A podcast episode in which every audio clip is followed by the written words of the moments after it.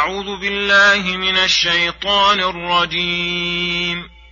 فأما الإنسان إذا ما ابتلاه ربه فأكرمه ونعمه فيقول ربي أكرمن.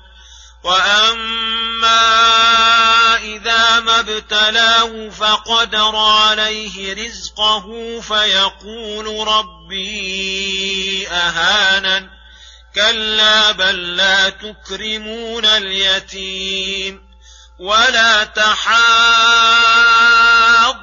على طعام المسكين وتاكلون التراث اكلا لمّا وتحبون المال حبا جما كلا إذا دكت الأرض دكا دكا وجاء ربك والملك صفا صفا وجيء يومئذ بجهنم يومئذ يتذكر الإنسان وأنى له الذكرى.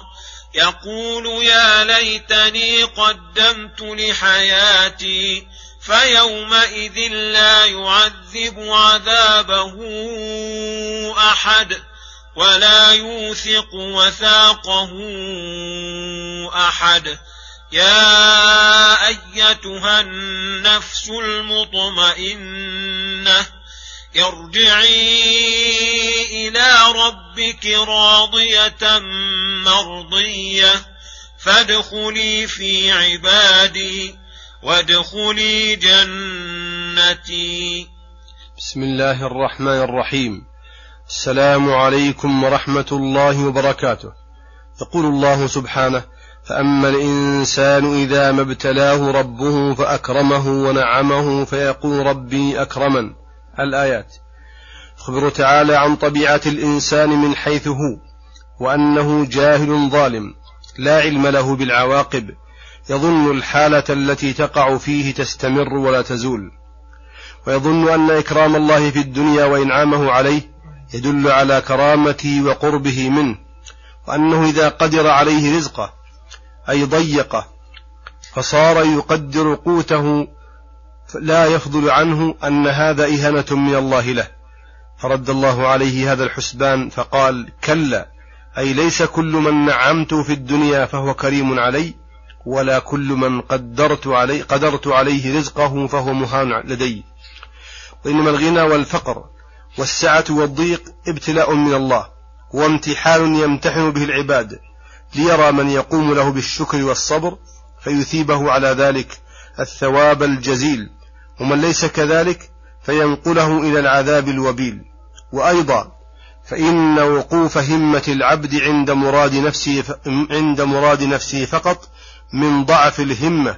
ولهذا لامهم الله على عدم اهتمامهم بأحوال الخلق المحتاجين فقال كلا بل لا تكرمون اليتيم الذي فقد أباه وكاسبه واحتاج إلى جبر خاطره والإحسان إليه.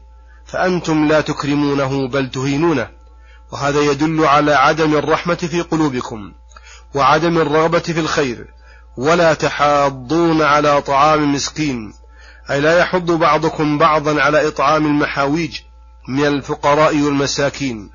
وذلك لأجل الشح على الدنيا ومحبتها الشديدة المتمكنة من القلوب. ولهذا قال وتأكلون التراث أي المال المخلف أكلا لما أي ذريعا لا تبقون على شيء منه. وتحبون المال حبا جما أي شديدا.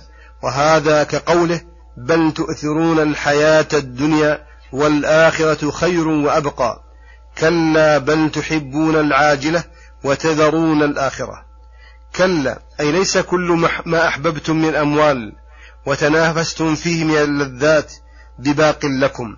بل أمامكم يوم عظيم وهول جسيم تدك فيه الأرض والجبال وما عليها حتى تجعل قاعا صفصفا لا ترى فيها لا عوج فيه ولا امتا ويجيء الله لفصل القضاء بين عباده في ظلل من الغمام. وتجيء الملائكة الكرام أهل, أهل السماوات كل كلهم صفا صفا أي صفا بعد صف. كل سماء يجيء ملائكتها صفا. يحيطون بمن دونهم من الخلق وهذه الصفوف صفوف خضوع وذل للملك الجبار. وجيء يومئذ بجهنم تقودها الملائكة بالسلاسل. فإذا وقعت هذه الأمور يومئذ يتذكر الإنسان ما قدمه من خير وشر وأنى له الذكرى. فقد قامت أوانها وذهب زمانها.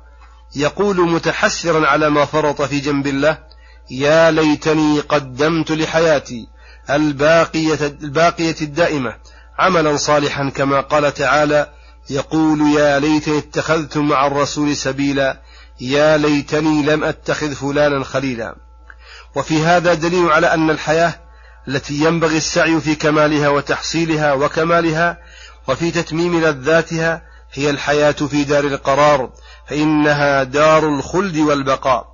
فيومئذ لا يعذب عذابه أحد لما أهمل ذلك اليوم ونسي العمل له ولا يوثق وثاقه أحد فإنهم يوثقون بسلاسل من نار ويسحبون على وجوههم في الحميم ثم في النار يسجرون فهذا جزاء المجرمين.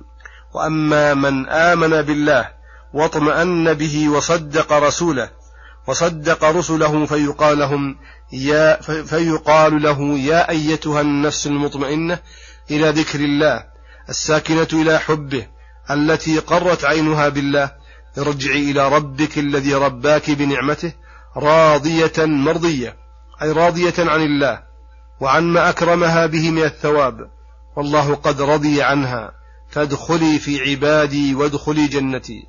وهذا تخاطب به الروح يوم القيامة وتخاطب به وقت السياق والموت وصلى الله وسلم على نبينا محمد وعلى آله وصحبه أجمعين. وإلى الحلقة القادمة غدا إن شاء الله.